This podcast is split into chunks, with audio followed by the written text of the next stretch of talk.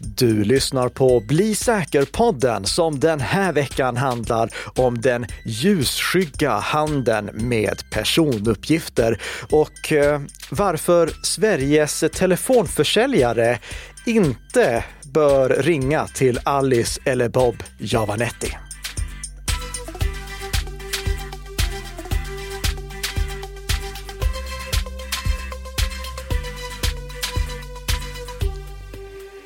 Ja, god morgon, god morgon kära lyssnare och välkomna till Bli säker-podden med Karl-Emil Nicka, Peter Esse, Alice Javanetti och Bob Javanetti.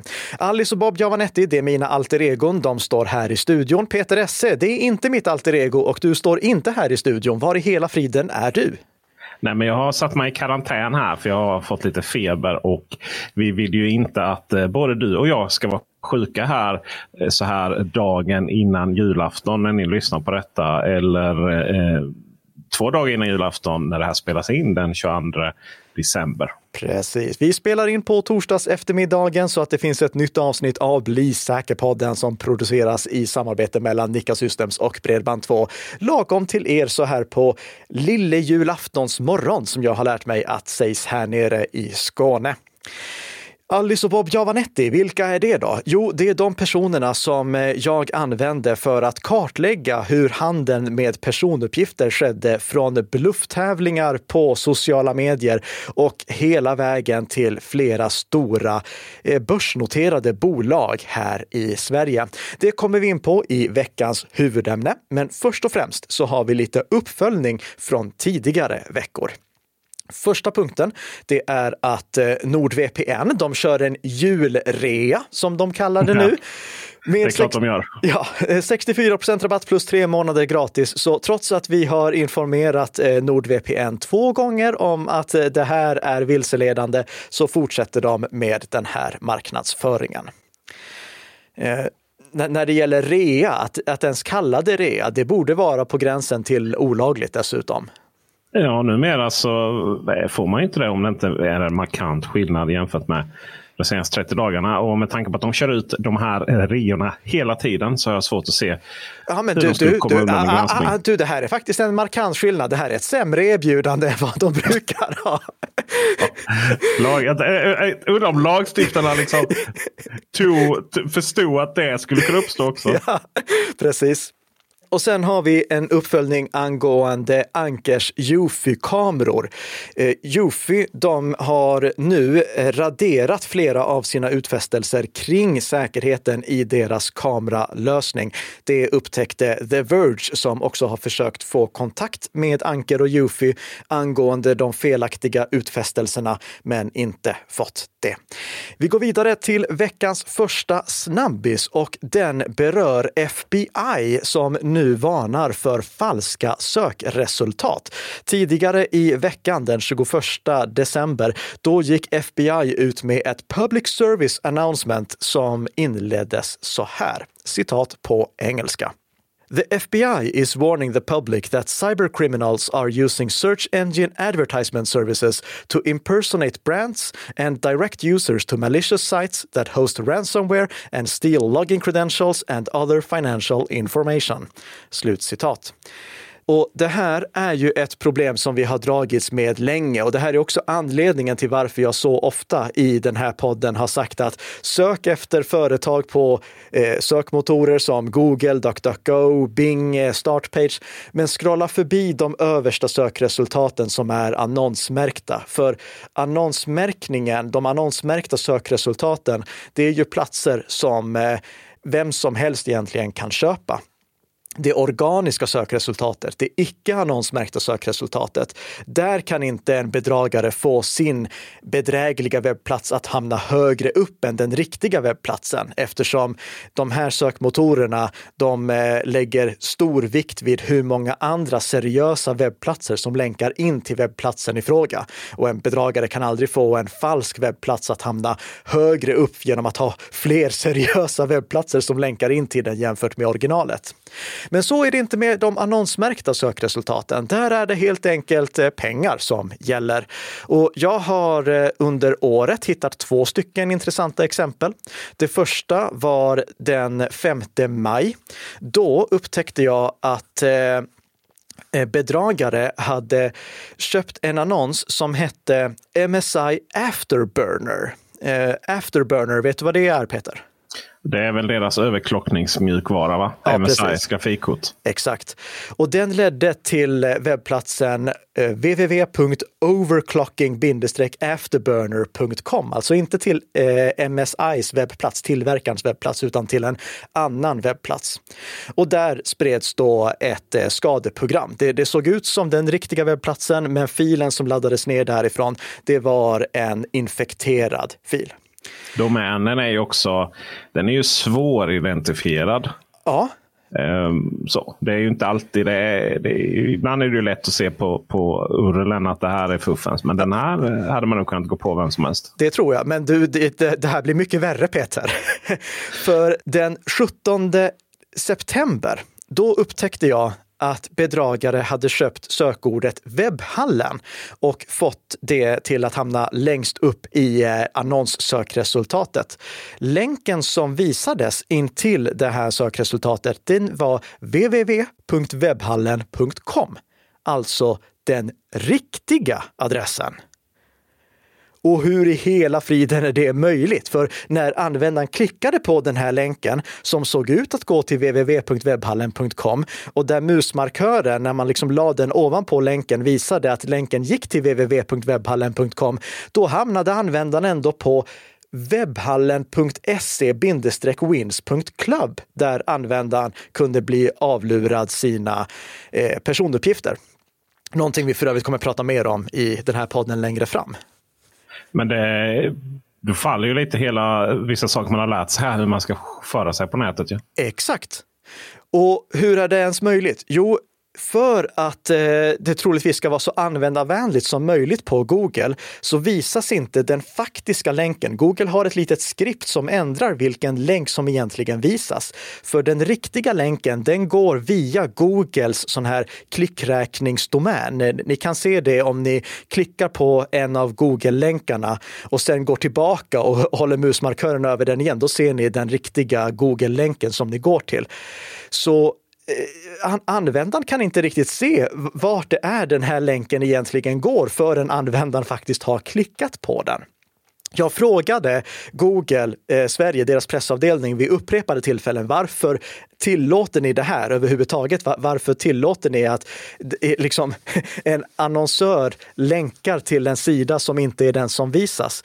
Men eh, jag fick bara svar att eh, som tidigare nämnt tillåter vi inte denna sorts annonsering. Och, nej, jag förstår att ni inte tillåter det, men det, ni, ni, ni, tillåter det på teknisk väg även om ni inte tillåter det på juridisk väg. Ja. Så eh, nej, det, det, här är jätteproblematiskt och eh, annonsmärkningarna, de har ju bara blivit mindre och mindre tydliga för varje år som går.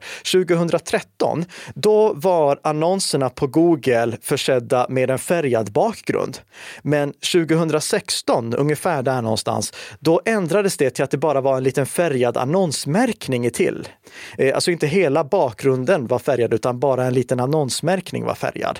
Och sen runt 2017, då blev det bara ordet annons som hade en annan färg intill. Och nu, sedan 2019 och senare, då är annonserna bara försedda med den svarta texten annons intill. Så det blir svårare och svårare för en ovan internetanvändare att se vad som är en annons och vad som är ett riktigt sökresultat här känner jag ju att Google har ett enormt ansvar. och Det, kanske, det, det låter ju självklart att säga det naturligtvis i och med att här har då bedragare nyttjat Googles eller utnyttjat Googles eh, en svaghet i Googles system. Men någonstans så har man ju grävt lite det här genom att medvetet minska det är nästan lite bedrägligt faktiskt att minska tydligheten mellan vad som är annons och ett riktigt sökresultat. För jag menar, att söka på Google är ju företagets kärnverksamhet. Att man vill minska den tydligheten. Jag förstår det inte. Nej. Men resultatet av allt det här, det är i alla fall att nu så skriver FBI i det här Public Service Announcementet att eh, citat Use an ad blocking extension when performing internet searches. Ja. Boom! Och jag har ju jättesvårt för det här, för jag, som jag har sagt tidigare, jag, jag bryr mig inte om hur ni lyssnare gör när det kommer till annonsblockerare. Men personligen blockerar jag inte annonser. Jag använder uBlock Origin för att blockera spårning, vilket tar bort integritetskränkande annonser. Och jag blockerar förbannade cookie banners som vi pratade om i ett tidigare poddavsnitt. Men jag har inte blockerat annonser för att annonser är så viktigt för att webben ska överleva. Men nu vet jag liksom inte vad, vad ska jag göra och vad, vad, ska vi rekommendera vanliga användare att göra? Ja, ett public service announcement från FBI är ju inget man... Det skojar man inte bort. Nej, precis. Det är ingenting man använder som toapapper. Liksom. Nej. Så jag, jag, får väl göra som så här. Först och främst, eh, vi ger lite cred till DuckDuckGo, den sökmotorn. Eh, jag använder inte den personligen för jag är inte nöjd med sökresultaten, men jag vet att det finns många som tycker om den. Och DuckDuckGo, de har en inställning där man kan välja stänga av annonser, så visas de inte. Startpage, sökmotorn som jag använder, den har inte motsvarande funktion, men jag lägger en liten kodsnutt i eh, våra show notes som ni kan använda för att klistra in i uBlock Origin om ni vill använda Startpage och dölja Startpage, eh, eh, eh, de, de annonser som visas där internet är trasigt. Ja, det, i det här fallet är det trasigt. Och jag hoppas att både Startpage och DuckDuckGo, två stycken integritetsvärnande sökmotorer, börjar erbjuda en premiumversion som eh, man kan betala lite för, för att slippa annonser helt och hållet. Och jag vill lägga till att det här löser inte hela problemet, för eh, det här är ju bara någonting som går att göra på eh, eh, datorn. Jag, jag, kan inte köra uBlock Origin på min mobiltelefon och blockera annonser där. Okej, Låt oss gå vidare till nästa nyhet som bara är en liten snabb diskussion som jag hade med vår lyssnare Björn. För att eh, nu under eh, juletider, då kommer det sms och meddelanden där välgörenhetsorganisationer uppmanar att eh, vi ska vara extra givmilda och swisha lite pengar till dem. Jag vill med anledning av det här påminna om att kontrollera att välgörenhetsorganisationen som ni eventuellt swishar pengar till faktiskt har ett 90-konto, det vill säga står under svensk insamlingskontroll. Eh, svensk insamlingskontroll, som är de som ger ut de här 90-kontona, de garanterar, eller de sätter som krav på de deltagande välgörenhetsorganisationerna att eh, högst 25 procent av de totala intäkterna får gå till insamling och administration. Så minst 75 procent av intäkterna ska gå till det faktiska ändamålet. Om någon ber er att swisha till en välgörenhetsorganisation så kan ni ofta redan på Swish-numret se ifall det är en välgörenhetsorganisation eller inte. För precis som bankgironumret kan vara kopplat till ett 90-konto så kan Swish-numret vara det. Om numret börjar med siffran 90, då är det till en organisation som har ett 90-konto. Amnesty International, de har till exempel swishnumret 90 0072-0. Det kan också hända att numret börjar med 12390. Det är, 123 det är ju liksom inledningen på Swish-nummer som ni också använder när ni vill betala till något företag. Och det kan hända att numret börjar på 123 90. Civil Rights Defenders, de har till exempel 123 90 0129-8. Så kolla att 90 är en del av inledningen så att det faktiskt är en organisation som eh, ser till att pengarna når fram till målen som ni vill skänka pengar till. Och en lista över de organisationer som tar emot pengar med Swish och har ett 90-konto. Det finns på www.swish.nu snedstreck valgörenhetslista och vi lägger en länk till det i våra show notes. Sist men inte minst, kom ihåg när ni swishar, då står det också innan swishen går iväg vilken mottagare det är det går till. Så om ni vill att det ska gå till Amnesty International till exempel, kolla så att det står att Amnesty International är mottagare innan ni trycker på att eh, slutföra Swish-överföringen. Jag funderar ju lite så här, de som får de här smsen, har de verkligen anmält sig till att få dem? Jag vet ju de polit vissa politiska partier skickar ut lite för generöst utskick Aha. Eh, med sms under valet där, där man inte riktigt hade samlat in dem där på helt rätt sätt. Mm. Vet vi hur det är inom, inom eh, välgörenhetsändamålen? Jag har inte gjort någon granskning kring det. Så det, kan jag inte svara på. Men i och med att det är många sådana här välgörenhetsorganisationer som har Eh, medlemskap eh, där eh, till exempel Unicef de har att du kan ge 200 kronor varje månad. Och där är du ju registrerad månadsgivare, så det är inte speciellt konstigt ifall du då får ett sms från dem också där de frågar ifall du vill ge lite extra nu under julen. Men kom ihåg, kontrollera att det faktiskt är rätt mottagare som får pengarna och att det är ett 90-konto som pengarna går till. För bara för att det står Unicef som avsändare på ett sms så vet alla, blir säkert podden-lyssnare som har lyssnat länge vid det här laget, att det är ingen garanti för att smset faktiskt kommer från Unicef. Okej, okay. Då är det dags för veckans huvudämne. Handeln med personuppgifter. Den ljusskygga handeln med personuppgifter som Kalla fakta har rapporterat om under de senaste veckorna. Det finns fem stycken inslag på Kalla faktas webbplats plus lite bonusmaterial som handlar om en granskning som de gjorde tillsammans med mig och som vi har hållit på med i över 18 månader. Det här är den största granskning som jag någonsin har varit med i.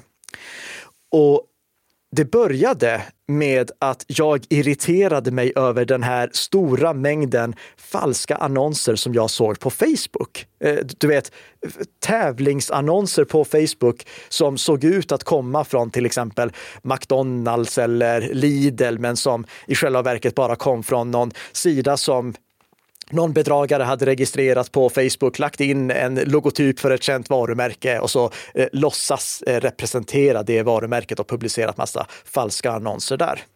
Jag störde mig något enormt över det och jag tänkte, med tanke på att Facebook tar betalt för det här, så måste det finnas någon som är villig att betala också. Så eh, varifrån kommer pengarna till allt det här? Och för att kartlägga det så började jag helt enkelt registrera mina två påhittade alter egon, Alice och Bob Javanetti, i de här annonsernas tävlingar. Så när jag klickade på en annons och kom till en tävling så registrerade jag personuppgifterna där, tog ett kontantkortsnummer som gick till en gammal mobiltelefon och bara såg vad händer med de här personuppgifterna? Och i början, då blev jag bara kontaktad av eh, sådana här mindre seriösa företag som eh, sålde spel och gamblinggrejer. Men sen började seriösa företag höra av sig. Liquidum som är en låneförmedlare hörde av sig. Förebygg som tragikomiskt nog är ett säkerhetsföretag, de hörde av sig. Vattenfall, Alente, Hallon hörde av sig och då började Hallon jag... som är tre. Precis, det är Sveriges eh, vad är de, tredje största eller fjärde största mobiloperatör. En av de största, ja. ja. ja. Och då började jag inse, åh kära någon, det här är ju mycket större än vad jag hade trott. Så då kontaktade jag Emil Hellerud på eh, TV4 och Kalla fakta som för övrigt har vunnit Stora journalistpriset 2022. Inte för den här granskningen, men för granskningen som han gjorde med partipengarna från i somras. Eh, så grattis Emil till det. Och så, så började vi liksom gräva vidare i vad är det här egentligen? Varifrån är det de här eh, pengarna kommer?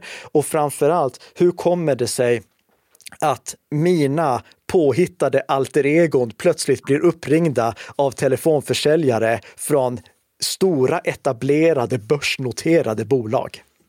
Statligt bolag dessutom, Vattenfall. Ja.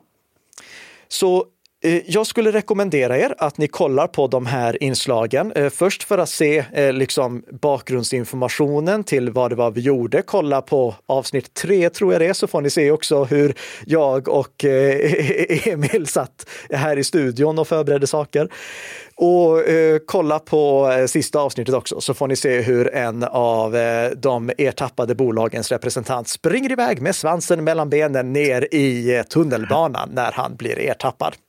Oj då. Ja, men det som eh, jag skulle vilja förtydliga nu här i podden, det är hur egentligen flödet ser ut. Hur kommer personuppgifterna fram till de här etablerade bolagen och hur kommer det sig att de etablerade bolagen ens får för sig att köpa de här personuppgifterna?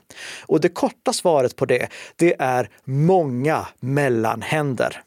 Så de seriösa företagen, de distanserar sig från de oseriösa företagen genom att allting går via många mellanhänder. Det är egentligen fyra steg. Det första steget, det är att vi kan kalla dem Affiliate X. Affiliate X köper annonser på sociala medier. Affiliate X utger sig för att vara till exempel Lidl, publicerar en falsk Lidl-sida och en falsk Lidl-annons. Ett exempel på en sån Lidl-annons, det var en annons där det stod så här. Bara idag Lidl-butikskedjan lanserar en tävling. Vi distribuerar 20 e-skotrar. Vem som helst kan vinna i tävling. Svara på några frågor för att förbättra kvaliteten på arbetet i våra grenar. det är inte så bra kvalitet på den Google Translate-översättningen. Eh, eller få en gåva. Lidl delar ut e-skotrar. Eller på Instagram, där hade vi ett exempel från bedragare som utgav sig för att vara JBL. Och de taggade mig och så stod det så här. Om du har blivit taggad har du vunnit en bärbar högtalare från JBL. Eller en annons på Facebook eller på TikTok där det stod Vill du veta hur du får gratis kläder? Ja, tack. Ja. Mm. Eh, för, förlåt, så här eh, stod det ordagrant. Vill du veta hur du får kläder gratis? Mm. Alla de här annonserna, de driver sedan trafik till webbplatser som Affiliate X har satt upp. Det där är liksom steg två. Eh, det här är webbplatser som ofta klonar ett riktigt varumärke, alltså, så det ska se ut som Lidls webbplats till exempel, eller JBLs webbplats. På JBLs webbplats, där stod det så här när jag kom dit efter att ha eh, klickat mig vidare från Instagram. Tack för att du deltog i vår undersökning. Dina synpunkter är viktiga för oss. För att vi ska kunna ge dig ditt pris måste du ge oss dina kontaktuppgifter på nästa sida så att vår personal kan kontakta dig via e-post. Och så en knapp där det stod få en gåva. Eller en sida som såg ut att vara Lidls där det stod Tack för att svara på frågorna. Vi har förberett en gåva åt dig.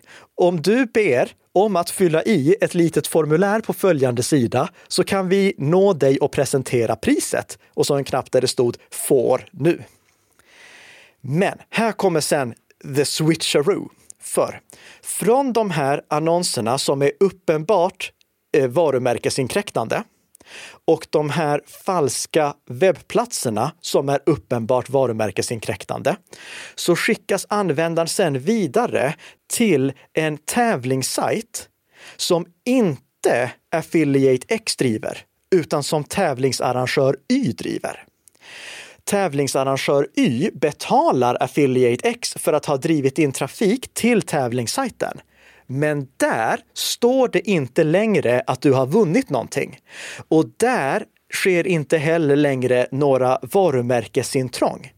Utan den eh, liksom Lidl-profilen, den är bortplockad och så står det istället Vinn en City Roller till ett värde av 2990 kronor. Grattis! Ange dina, dina uppgifter för prisdragningen och aktivera pushnotiser.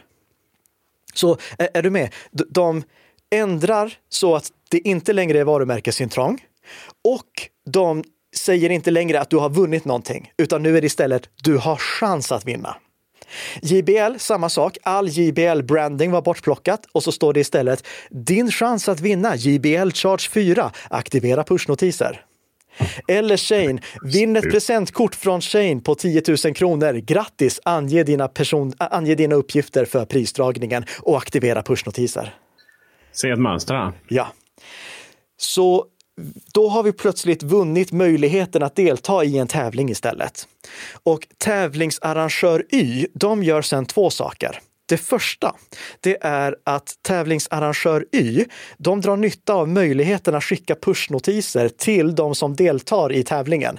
För den som deltar i tävlingen tror ju att de ska aktivera pushnotiser för att få en vinstnotifiering. Men istället för det så skickar tävlingsarrangör Y ut reklam och det kan vara till exempel möjligheten att investera i bitcoin. Ja. Eller eh, falska Postnord push-notiser. Så att det eh, ser ut att om du har ett paket att hämta ut men du måste betala. Eller en eh, pushnotis för en falsk Dagens Nyheter-sida där det står så här i stora rubriken. Stefan Löfvens senaste investering förbluffar experterna och storbankerna är livrädda.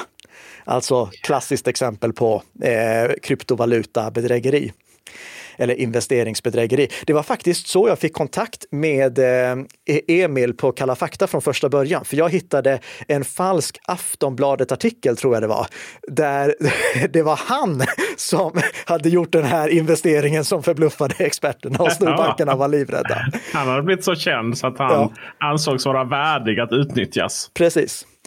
Och utöver det så tar också tävlingsarrangör Y och skickar eller säljer de här eh, kontaktuppgifterna som de har samlat in till kontaktförmedlare Z.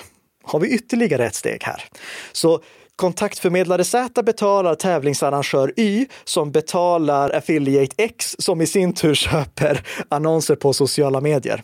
Och kontaktförmedlare Z, de förmedlar sedan vidare de här kontaktuppgifterna till till exempel Liquidum, Förebygg, Vattenfall, Fortum, Göta Energi, Alente, Simor. Eh, eh, Emil blev väldigt förvånad när ja. Simor ringde. Alltså det måste ni kolla på det inslaget. Den, ja visst, ja. den och, och sen när han eh, Jaha, jag vunnit en Coca-Cola-frys eller? Ja, precis. Jag tror att han har vunnit en eh, Coca-Cola-kyl. Men eh, sen ändrar telemarketing-säljaren sig till att han har vunnit en rabatt på någon ID-försäkring eller något sånt. Ja. Värst av allt, det är att i och med att vi granskade det här så länge så ertappade vi vissa bolag två gånger. Alltså även efter att vi hade informerat dem om varifrån de här personuppgifterna kom. Um, och ett av bolagen tyckte till och med att det delvis var mitt fel att de hade blivit ertappade en gång till. För att jag hade ju inte informerat om att det fanns fler sådana här eh, falska eh, annonser som eh, användes för att driva trafik till tävlingssajter som sedan användes för att ta och sälja vidare personuppgifter. Ehm, och det har vi i avsnitt fyra tror jag det. det alla avsnitten ligger länkade, så kolla på dem. Men det som ni ska tänka på, kära lyssnare, med anledning av det här, det är fyra saker. För det första, när ni ser en tävling på sociala medier, kontrollera om det är det riktiga företaget som ligger bakom det. Och det enklaste sättet att göra det, det är att gå till företagets riktiga webbplats för på den riktiga webbplatsen länkas det garanterat vidare till den riktiga Facebook-sidan, den riktiga Twitter-sidan, den riktiga Instagram-sidan. Och då ser ni ifall tävlingen finns där eller inte. Och om den inte finns där, ja, då kan ni vara nästan helt säkra på att det är någon typ av bedräglig tävling som det handlar om. Så Gå till den riktiga webbplatsen och ni hittar den riktiga webbplatsen genom att söka på till exempel Google och ignorera de översta sökresultaten som är annonsmärkta. Eh, om ni inte redan har dolt dem såklart. Gå in på den riktiga webbplatsen, klicka er vidare till sociala medier och där ser ni ifall tävlingen faktiskt finns på det äkta sociala mediekontot eller inte. Eh, vi har många gånger tidigare pratat om eh, det här med eh, eh, verifieringssymboler, men på grund av det som Twitter har hållit på med nu så har ju inte det blivit någonting som vi kan gå på överhuvudtaget. Punkt nummer två. Delta inte bara för möjlighetens skull. Jag vet att det finns många som tänker att amen, eh, det här är kanske ett bedrägeri, men jag deltar i alla fall. För det kan ju faktiskt hända att det är på riktigt. Men gör inte det. Framförallt vi har sett många exempel på att de som publicerar de här falska eh, annonserna, de försöker få till interaktion de vill att man ska kommentera eller skriva eller gilla eller dela. Och det är ju för att få spridning. Och genom att hjälpa de här bluffannonsernas, eh, eh bluffannonsörerna få spridning på annonserna och på inläggen så riskerar ni att era vänner och bekanta också hamnar i den här situationen. Så delta inte bara för möjlighetens skull och interagera inte med misstänkta annonser. Och är ni övertygade om att det är en bedräglig annons för att ni ser att nej, men det här är inte den riktiga Facebook-sidan eller det här är inte det riktiga Twitterkontot. Anmäl annonsen till sociala medier. För även om våra sociala medier inte håller måttet när det kommer till att granska de, de annonser som publiceras så jobbar de ju i alla fall med att plocka ner det i efterhand när tillräckligt många anmäler det. Och det tar mig in på punkt nummer fyra. Fundera över ifall våra sociala medier tar ett rimligt ansvar. För jag kan ju säga som så här, vi hade knappast accepterat ifall de som har de som ansvarar för eh, eh, annonserna på busshållplatserna hade satt massa annonser för falska tävlingar som gör varumärkesintrång där. Det, det, det, det, hade liksom varit helt absurt ifall de hade, gjort det, hade gjort det. Men på sociala medier, då låter vi det bara slinka igenom. Man har ju anmält ett gäng som har blivit kvar av ja. någon anledning. Och, och, jag vet att troligtvis så anser de som driver sociala medierna här att ja, men vår artificiella intelligens är inte tillräckligt bra för att kunna avslöja alla bedrägerier, men den blir bättre och bättre. Men vet ni vad, kära sociala medier? Om ni resonerar på det sättet så skiter jag fullständigt i det. För om det är så att er artificiella intelligens inte är tillräckligt bra, ja då kanske ni ska ha manuell granskning tills dess att er artificiella intelligens är tillräckligt bra. Ja, nu blev jag lite arg där ja, på slutet också. ja, jag förstår det. Men jag, jag känner igen känslan. Jag skulle tagga Coop en gång. Ja. Och, och, men det gick liksom inte att hitta, för det fanns ju ett Coop som var verifierat som jag liksom sökte upp korrekt. Då. På den tiden verifiering spelade roll. Eh, men sen när jag själv skulle tagga det, det gick liksom inte att få fram i listan. För det var så många fejkade Coop. så, så det gick liksom inte. Nej, det var, och då kände man bara, det här funkar inte. Nej. Igen. Det är trasigt. Det är trasigt det också. Men med de här fyra tipsen, då kommer ni i alla fall lite längre. Kontrollera om det är företagets äkta sociala mediekonton som står bakom tävlingen. Delta inte bara för möjlighetens skull, för ni vill inte hjälpa till med spridningen. Och anmäl falska annonser som ni stöter på medan ni funderar över rimligheten över att de där annonserna överhuvudtaget har publicerats från första början. Och med det sagt så tror jag att det är dags att runda av här, för nu är det många som vill börja förbereda julfirandet och eh, det ska ni självfallet få göra. Så jag tackar så mycket för att ni har lyssnat den här veckan igen. Och eh, Peter, eh, så länge som du mår bättre nästa vecka, då är vi tillbaka även om det är lite julledigt, eller hur? Det är det sista jag gör. Om jag ska behöva äta all julmat för pigg så så är det podd igen ja. nästa vecka. Så då hörs vi igen nästa fredag med ett nytt avsnitt av Bli säker-podden som gör dig lite säkrare för varje vecka som går. Tack så mycket för att du har lyssnat och god jul! God jul!